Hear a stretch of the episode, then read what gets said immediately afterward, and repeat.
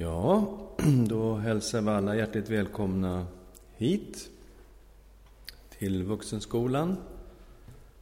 Och eh, vi ska börja med att be tillsammans. Tack Herre Jesus Kristus att du ska komma tillbaka en dag för att hämta din församling hem. Tack Herre för att vi får studera i ditt ord om din återkomst till världen. Öppna våra ögon, Herre, och tala ifrån ditt eget ord. Vi ber i Jesu namn. Amen. Ja, ämnet är alltså Kristi återkomst.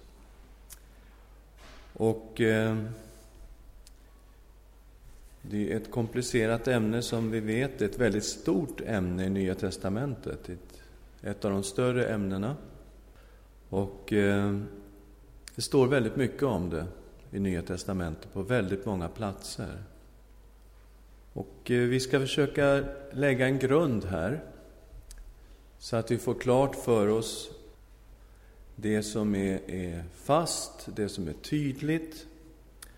Och sen lämnar vi tolkningarna till efteråt när det gäller tecken och sådana saker. Utan vi ska hålla oss till det som är den fasta grunden. Det första vi såg förra gången det är att Jesus ska komma tillbaka. Jesus har sagt det, han har sagt det på många ställen dessutom. Änglarna har sagt det. Apostlarna har sagt det. Och vi tittade på att Paulus har sagt det här. Och Petrus har gjort det. Och Johannes och Jakob.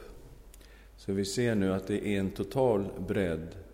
Alla är ense om detta, att Jesus ska komma tillbaka. Sen försökte vi svara på några frågor. Se om vi kunde få enkla, tydliga svar på några frågor. Hur ska han komma tillbaka? Kan vi besvara den frågan? Som han for upp, sa änglarna. Jesus sa själv att han ska komma i stor makt och härlighet. Och det är också tydligt att alla ska se honom. Det kommer inte att ske på ett sätt som man undrar ifall han har kommit eller inte. Det kommer vara uppenbart för alla att Jesus har kommit tillbaka. Alla ska se honom. Tittade på nästa fråga. Vad kommer att hända när Jesus kommer? Kan vi få något sorts tydligt besked på det? Vad händer? Vad ska hända när Jesus kommer? Och det första är mycket klart, han ska hämta de troende. Han kommer för att hämta sin församling. Och det handlar både om de som har dött i Kristus genom århundradena, men också de som lever på jorden då, när han kommer. Han kommer för att hämta de troende. De troende kommer att förvandlas, kommer att bli lika Kristus. ska bli lik honom också fysiskt, lik hans härlighetskropp. En förvandling, och den ska ske på ett ögonblick, står det i skriften. Han kommer för att döma världen. Det är två saker. Han kommer alltså som en frälsare för sitt folk och han kommer som en domare för världen. Helt tydligt i skriften. Så det här är det vi kan se väldigt säkert när vi tittar in i skrifterna. Vi ska ta och titta på några andra frågor också, som vi börjar med idag. När ska Jesus komma tillbaka? Kan vi säga någonting om när han ska komma tillbaka? Utan att hamna i spekulationer om årtal och sådana saker. Ja, det första vi kan säga är, vi vet inte. Vi vet inte när han ska komma tillbaka. Apostlagärningarna 1, 6 och 7. Jesus talar. När de nu var församlade frågade de honom, Herre, är tiden nu inne för dig att återupprätta riket åt Israel? Han svarade dem, det är inte er sak att veta vilka tider eller stunder som Fadern i sin makt har fastställt. Och det här borde ju räcka, tycker jag, för alla kristna i alla tider, men vi är väldigt klåfingriga på den här punkten och vill väldigt gärna veta om tider och stunder. Men Jesus har alltså sagt väldigt tydligt att det är inte vår sak att veta tider och stunder. Så då får vi nöja oss med det, att vi vet inte. Och det är inte heller vår sak att veta. Bara Gud vet tider och stunder. Jesus igen, Matteus 24, vers 36. Men om den dagen eller stunden vet ingen något, inte ens inte himlens änglar, inte ens Sonen, ingen utom Fadern. Det stämmer väl överens med vad sa apostlagärningarna. Det är tider och stunder som Fadern i sin makt har fastställt. Ingen vet, utom Fadern, när den här dagen eller den här stunden kommer. Eh, också i vers 42. Var därför vaksamma, ty ni vet inte vilken dag er Herre kommer. Så, när ska Jesus komma tillbaka? Vi kan säga på mycket säker grund i Nya Testamentet, vi vet inte. Och vi kan till och med säga, det är faktiskt inte vår sak att veta tider och stunder. Vad kan vi säga mer då? Ja, han kommer oväntat. Det kan vi säga. När ska han komma tillbaka? Ja, det kommer komma. Han kommer komma mycket oväntat. Jesus igen, Matteus 24, 37 41. Det som det var i Noas dagar, så ska det vara vid Människosonens återkomst. Som människorna levde dagarna före floden. De åt och drack, gifte sig och blev bortgifta ända till den dag då Noa gick in i arken. Och de visste ingenting förrän floden kom och ryckte bort dem alla. Så ska Människosonens ankomst vara. Då ska två män vara ute på åkern. Den ene ska tas med, den andra lämnas kvar. Två kvinnor ska mala på en handkvarn. Den ena ska tas med, den andra lämnas kvar.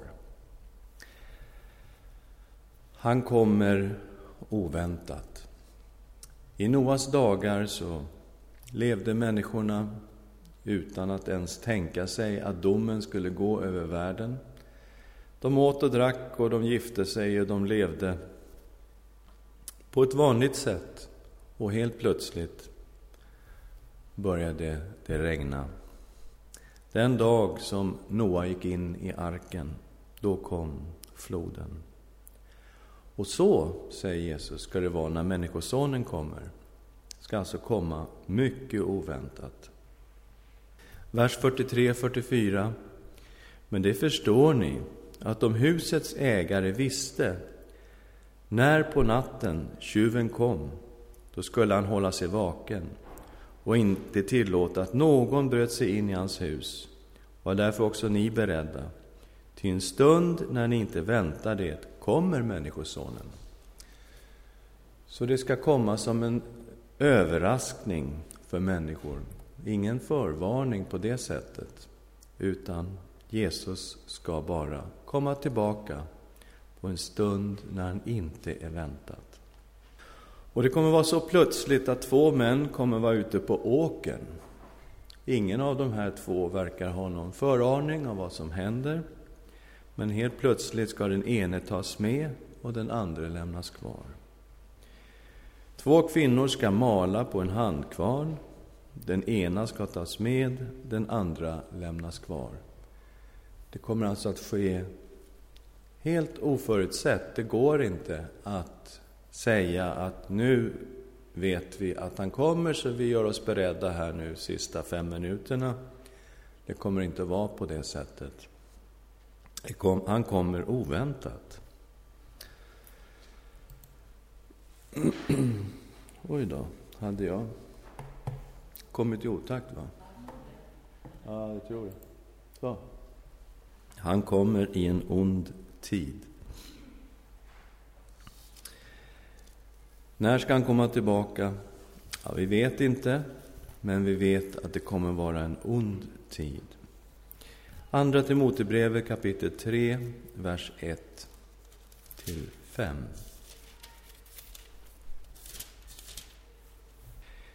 Det ska du veta att i de sista dagarna ska det komma svåra tider. Människorna kommer att älska sig själva och vara penningkära, skrytsamma, stolta, hånfulla, olydiga mot sina föräldrar, otacksamma, gudlösa, kärlekslösa, oförsonliga, skvalleraktiga, obehärskade, råa, fientliga till det goda, falska, egensinniga, högmodiga. De ska älska njutning istället för Gud och ha ett sken av Guds fruktan. Men förneka dess kraft. Håll dig borta ifrån dem. Man kan ju undra om aposteln Paulus beskriver Sverige 2006. Eller hur? Det, det, är inte långt borta när man ser den här listan och ser hur det är i vårt samhälle. Han kommer i en ond tid. Första Timotebrevet 4, vers 1 och 2. Men Anden säger tydligt att i de sista tiderna kommer somliga att avfalla från tron och hålla sig till villoandar och till onda andars läror. De kommer att förledas av hycklare och lögnare som är brännmärkta i sina samveten. Det verkar tyda på att det kommer att bli ett avfall från tron i de sista tiderna.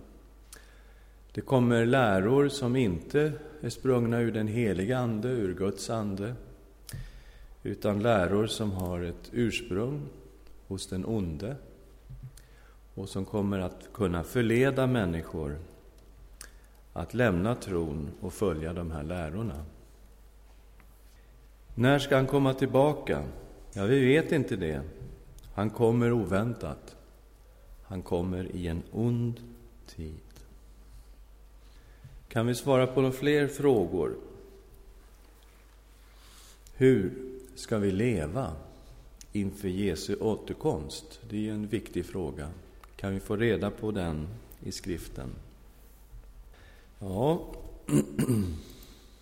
vi ska vara redo när han kommer tillbaka. Matteus 24. Och vi läste redan de här verserna, så jag läser bara vers 44. Var därför också ni beredda, ty en stund när ni inte väntar det kommer Människosonen. Så vi ska vara redo när han kommer. Det är viktigt. Om vi inte är beredda så verkar inte vara så som att vi får vara med. Eh, vi läser också Matteus 25, vers 1-13. En känd liknelse. Då ska himmelriket liknas vid tio jungfrur som tog sina lampor och gick ut för att möta brudgummen. Fem av dem var oförståndiga och fem var förståndiga. Den oförståndiga tog sina lampor, men tog ingen olja med sig. De förståndiga tog olja i kärlen tillsammans med sina lampor. Då när brudgummen dröjde blev de alla sömniga och somnade. Vid midnatt hördes ett rop. Se, brudgummen kommer. Gå ut och möt honom. Då vaknade alla jungfrurna och gjorde, sig, gjorde i ordning sina lampor. De oförståndiga sa till de förståndiga, ge oss av er olja, våra lampor slocknar. De förståndiga svarade, det räcker kanske inte både för oss och för er. Gå istället till dem som säljer och köp. Men när de hade gått för att köpa kom brudgummen. Och de som stod färdiga gick med honom in till bröllopsfesten, och dörren stängdes. Sedan kom de andra jungfrurna tillbaka och sa Herre, Herre, öppna för oss. Han svarade Amen, säger jag er, jag känner er inte. Vaka därför, ty ni vet inte vilken dag eller timme han kommer. Ja, den här liknelsen öppnar ju för alla möjliga tolkningar. Jag tror vi alla har hört lite olika tolkningar på just den här liknelsen. Eh, bakgrunden då, det var att de här tio jungfrurna var brudtärnor. De var alltså till för bruden, för att göra bruden i ordning för själva bröllopsfesten. Och på den tiden så hade man någon sorts oljelampor med olivolja i. Och ungefär var femtonde minut så måste man tutta i lite mer olja, för annars så slocknar de här lamporna. Och när de skulle göra lamporna i ordning så var det just att man satte i olja, man trimmade också veken lite grann, så att det skulle brinna.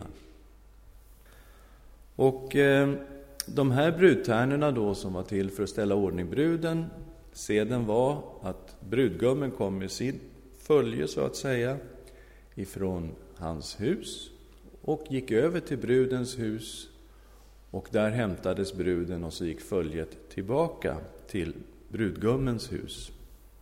Och det här skedde med, som ett fackeltåg.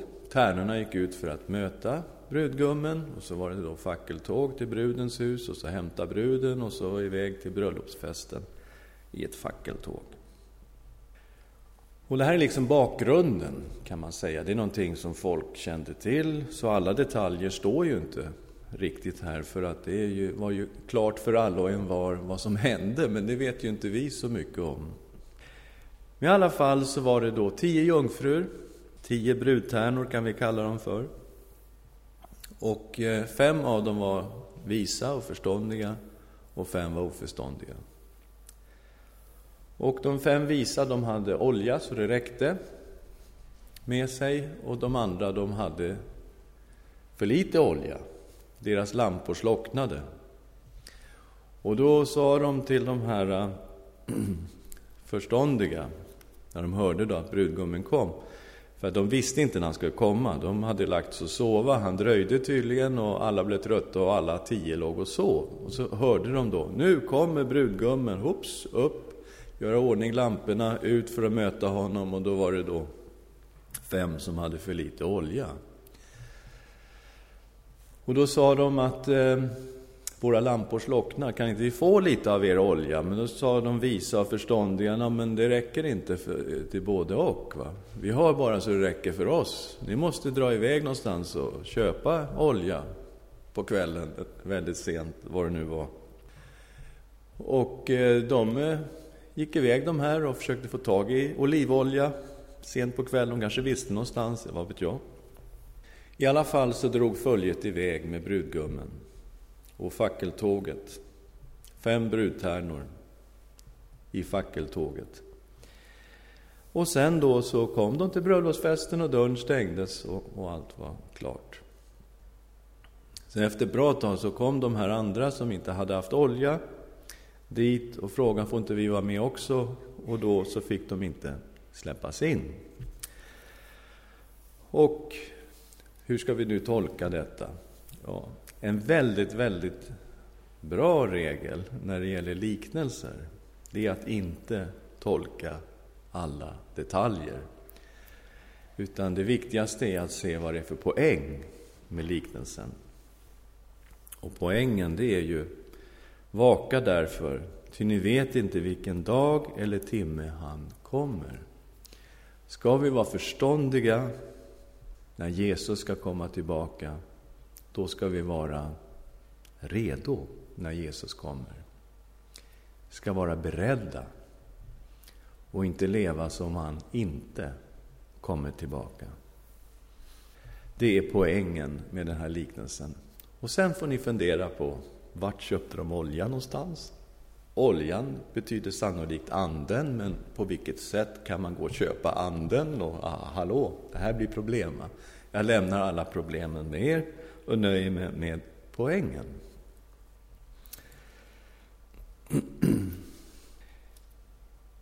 Hur ska vi leva inför Jesu återkomst?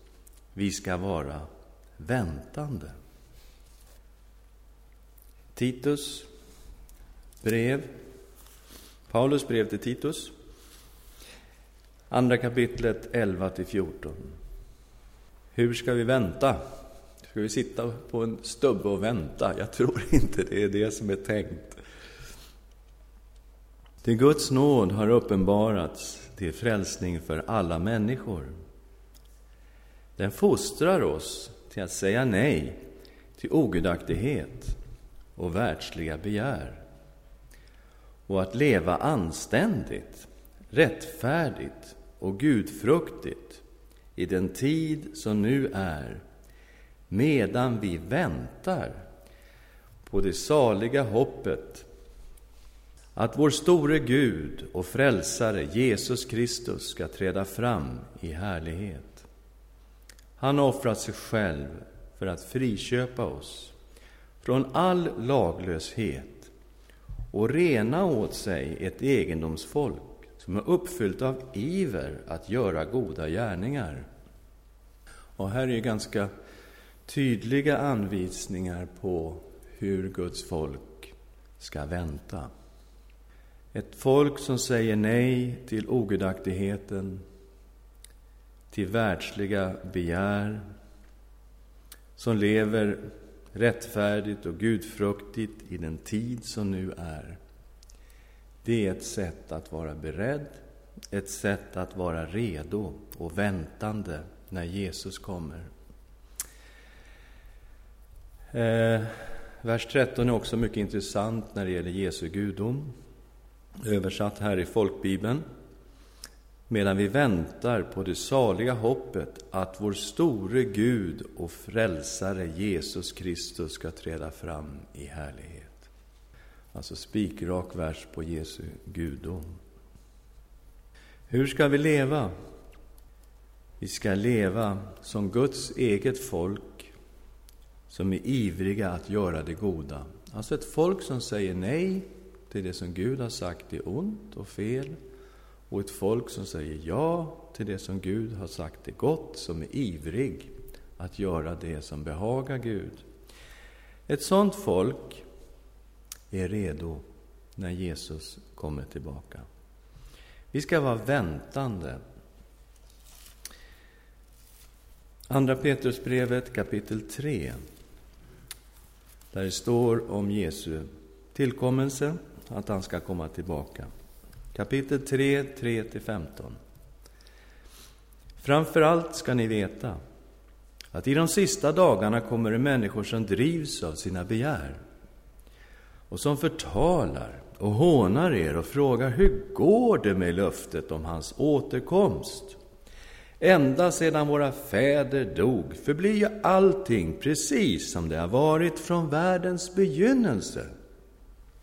Det som påstår detta bortser ifrån att det för länge sedan fanns himlar och en jord som uppstod ur vatten och genom vatten i kraft av Guds ord.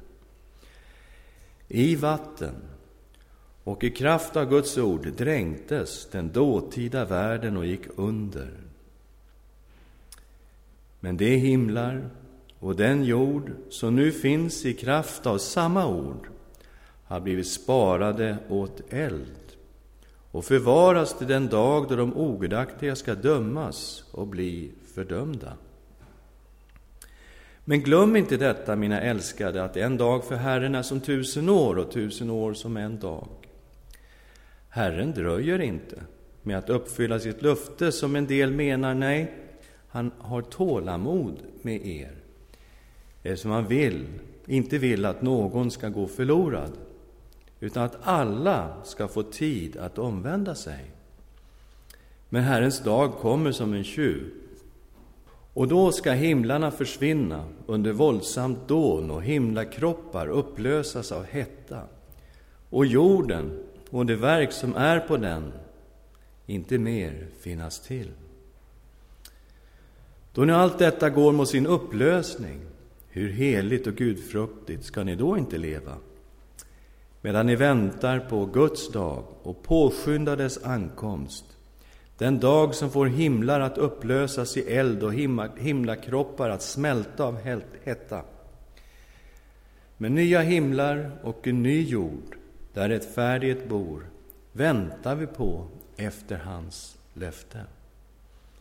Därför, mina älskade, eftersom ni väntar på detta, gör allt ni kan för att leva i frid, rena och oförvitliga inför honom.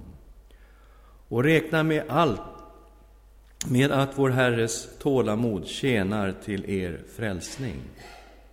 Så har också vår älskade broder Paulus skrivit till er enligt den vishet han har fått. Ja, Jesus ska komma tillbaka och vi ska vara väntande. I de sista dagarna kommer det folk som säger men det, Jesus kommer inte tillbaka. Vadå? Det har ju varit likadant ända från världens begynnelse. Våra fäder har dött och innan dem så dog de och generationerna har kommit och gått. Det har inte hänt ett dugg. Ja, säger Petrus, de glömmer en sak. De glömmer att det redan har gått en dom över världen. I Noas tid, det är ganska långt efter världens begynnelse, så kom en flod och dränkte hela den dåtida världen, gick under i vatten. De glömmer att Guds dom redan har kommit. Och den kommer igen när Jesus kommer tillbaka, då kommer de ogudaktiga dömas och bli fördömda. Men det här är ingenting som Gud vill egentligen. Utan Gud vill att alla människor ska bli frälsta och komma till kunskap om sanningen. Nej, alltså han har tålamod. Han vill inte att någon ska gå förlorad, utan att alla ska omvända sig. Det är vad Gud vill. Men den här dagen kommer att komma, och den kommer som en tjuv. Och då kommer det inte vara vatten som gör att jorden går under. Då kommer himlakroppar att upplösas av hetta. Och det kommer allt det som vi känner till på den här jorden kommer att gå under. Den här skapelsen, som vi vet om den idag, kommer att gå under. Men det kommer bli nya himlar och en ny jord där rättfärdighet bor. Och på det väntar vi efter hans löfte. Så vi är alltså en väntande församling som väntar på att Jesus ska komma tillbaka. Det står till och med att vi kan påskynda hans återkomst och eh, hur skulle vi kunna göra det? Hur skulle vi kunna göra så det här skulle gå ännu snabbare? Att Jesus kommer tillbaka. Ja, det är två, två saker i den här texten. Det ena är omvändelsen. Gud är tålmodig. Han väntar med att komma tillbaka eftersom han vill att så många som möjligt ska omvända sig. Så här har vi ett uppdrag till den generation som lever i världen idag att förmedla evangelium, påskynda Jesu återkomst. För Gud vill att alla ska ha en chans att omvända sig. Och det andra vi kan se i texten, det är hur vi lever. vers 14. Därför, mina älskade, eftersom ni väntar på detta, gör allt ni kan för att leva i frid, rena och oförvitliga inför honom. Det är det andra vi kan göra, hur vi lever för att påskynda att Jesus ska komma tillbaka.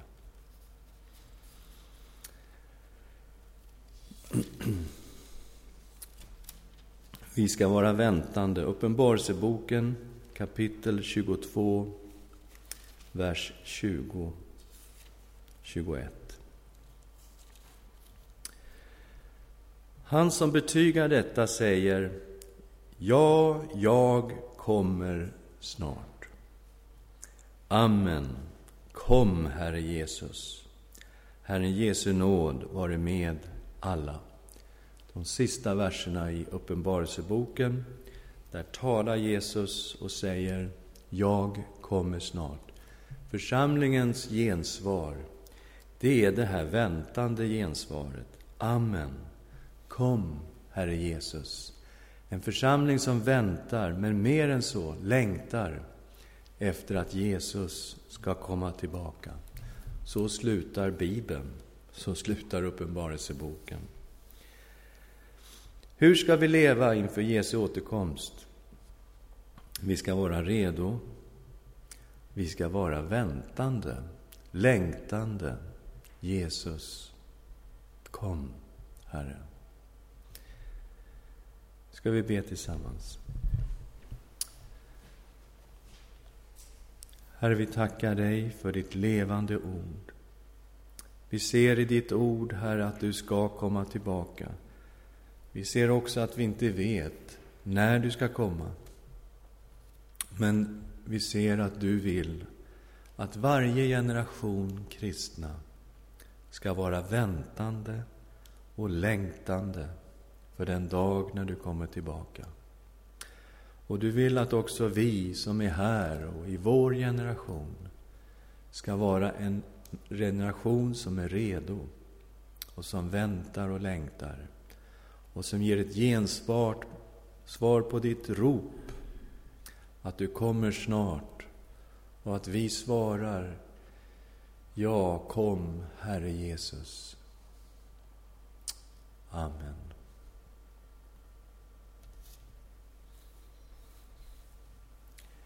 Ja, vi har tid för samtal, frågor.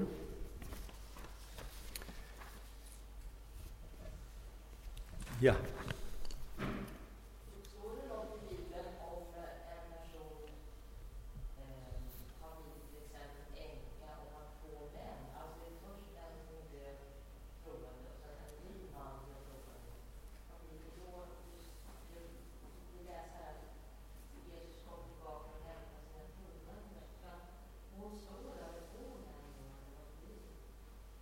hur det kommer att bli när han kommer tillbaka.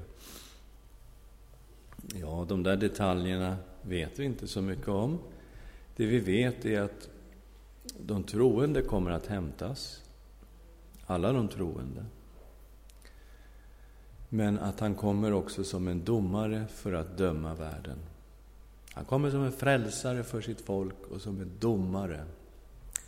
Så det beror ju på om de här människorna kände honom eller inte. Det är egentligen det man kan säga. Ja?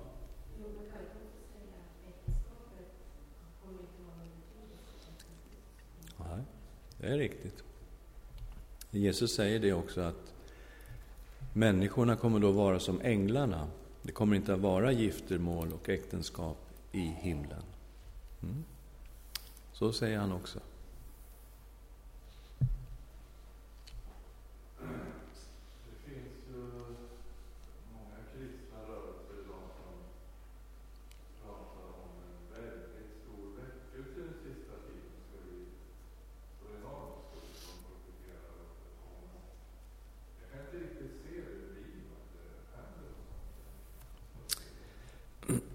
Nej, och jag tror att eh, du har sannolikt rätt. Eh, därför att Det beror på hur man tolkar det här uttrycket i sista tiden och sista dagarna. Och nytestamentligt sett så är den sista tiden mellan Jesu himmelsfärd och hans återkomst. Det är den sista tiden i Guds ekonomi, så att säga. Och vi lever i den sista tiden. Och det gjorde man också i Nya Testamentet. Efter Jesus hade farit upp till himlen så levde man i den sista tiden. Och eh, i den sista tiden kommer Gud att utgjuta sin ande över allt kött. Och det är den tid vi lever i. Alla människor har tillgång till Guds ande. Frälsning erbjuds till och med till svenskar, men jag kan tänka ett folk som lever hur långt bort som helst, nästan uppe vid Nordpolen, svenskarna. Till och med de får ta del av den heliga Ande, utgjuts över allt kött. Så man kan tolka detta med sista tiden och det är där tror jag man får fram de här tankarna. Men man ser inte riktigt nytestamentliga sättet att använda språkbruket för de levde ju i den sista tiden i Nya testamentet också. Ja.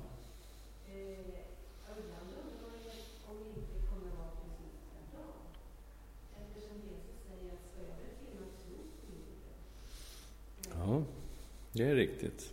Det är en fråga som Jesus har och det handlar just om den uthålligheten. Att hålla ut i tron i det bibelstället när Jesus ställer frågan kommer Människosonen finna tro när han kommer. Så att, att vara redo, det har att göra med en uthållig tro. Ja, det är bra.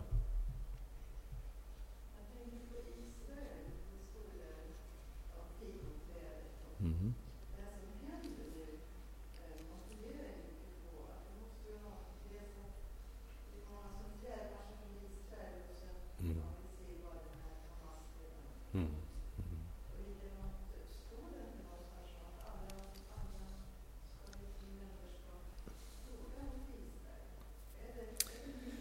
Ja, hoppa många månader framåt. Men eh, man kan säga så här då att vi kommer att nästa gång börja titta lite grann på tecknen. Och vi kommer inte här att prata om tecken. Eh, därför att det är just där spekulationerna kommer. Det vi har gjort de här två första gångerna här nu, det är att försöka lägga en grund för det vi kan faktiskt veta utan att spekulera hit och dit om si och så. Vi kan veta att Jesus kommer tillbaka. Vi kan veta att när han kommer så ska han hämta de troende. Att de troende ska förvandlas när han kommer, både de som har dött i Kristus och de som lever. Och vi kan veta att han kommer för att döma världen vi kan veta att han kommer i stor makt och härlighet och att alla ska se honom när han kommer. Vi kan också veta att vi kommer inte att veta dagen eller stunden när han ska komma tillbaka. Men vi förstår att han kommer oväntat, han kommer i en ond tid. Och hur ska vi leva? Vi ska vara redo vi ska vara väntande. Det är vad vi har gått igenom nu, det kan vi veta. Tecknen, mm, vi kommer in på det, men då går vi in på mer spekulativa saker. Så det väntar vi med, om du orkar vänta. Ja. ja.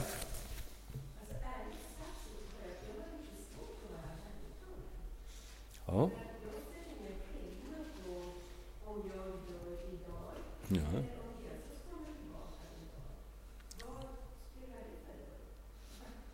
Nej. Eh,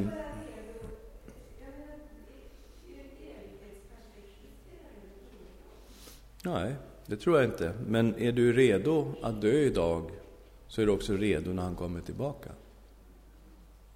Så det är ingen skillnad. Men det är ju viktigt hur vi dör. Om vi dör som troende eller som ogudaktiga människor. Det är ju en ganska viktig fråga. Så är vi redo att dö och möta vår Herre idag, då är vi också väntande och redo när han kommer. Så det är ingen skillnad, det har du rätt i.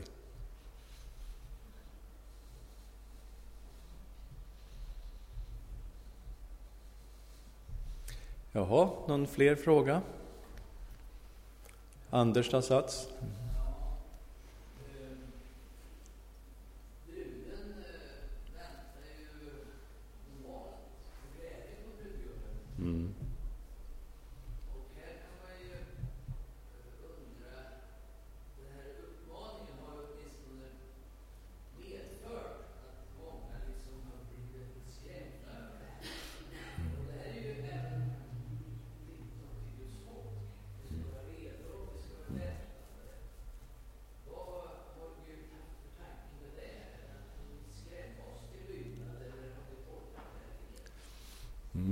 det tror jag.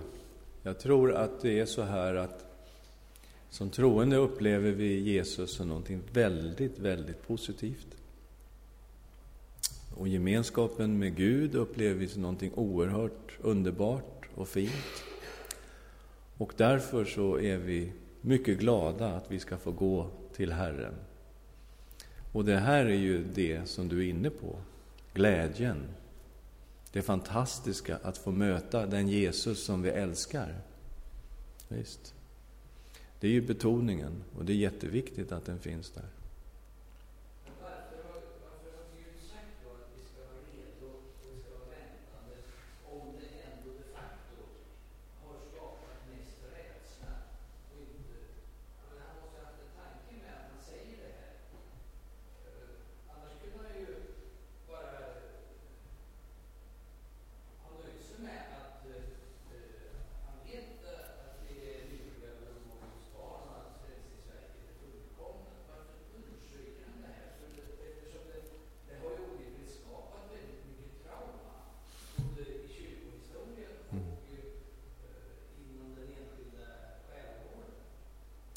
Ja, ja visst, men jag tror en hel del kan nog läggas på enskilda predikanter.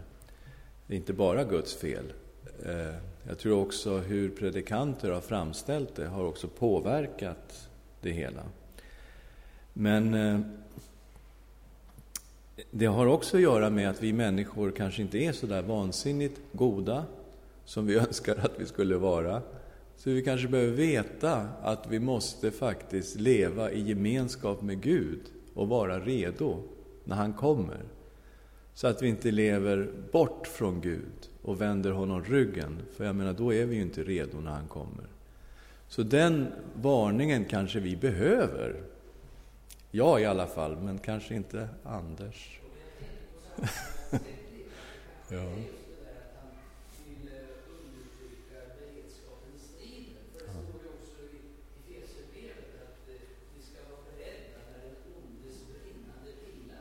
Ja.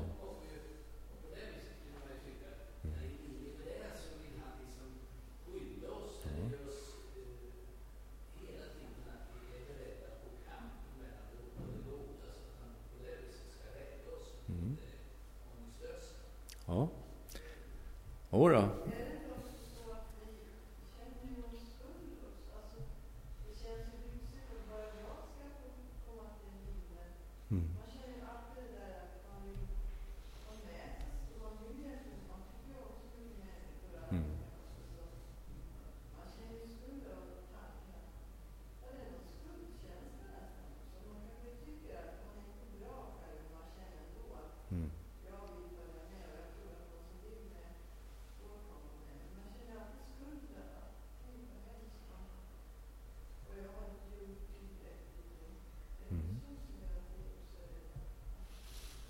Jo, och det är väl rätt, tror jag på något sätt, att vi inser att vi förtjänar inte himlen. Om jag kommer dit så är det av bara nåd, därför att Jesus Kristus har burit min synd och mitt straff. Men själv förtjänar jag inte att få vara med. Och det tror jag är en viktig insikt, för att det är nog ganska farligt att tänka, tänk vad jag är bra, jag får följa med för jag är så bra. Det är ju istället en mycket farlig position. Jag hoppas inte att det finns någon sån. Men fariséerna tänkte så, så att det fanns människor som tänkte så. Det finns. Ja. Okej, tiden har gått. Eh, vi har en rast nu före Simon, sista här.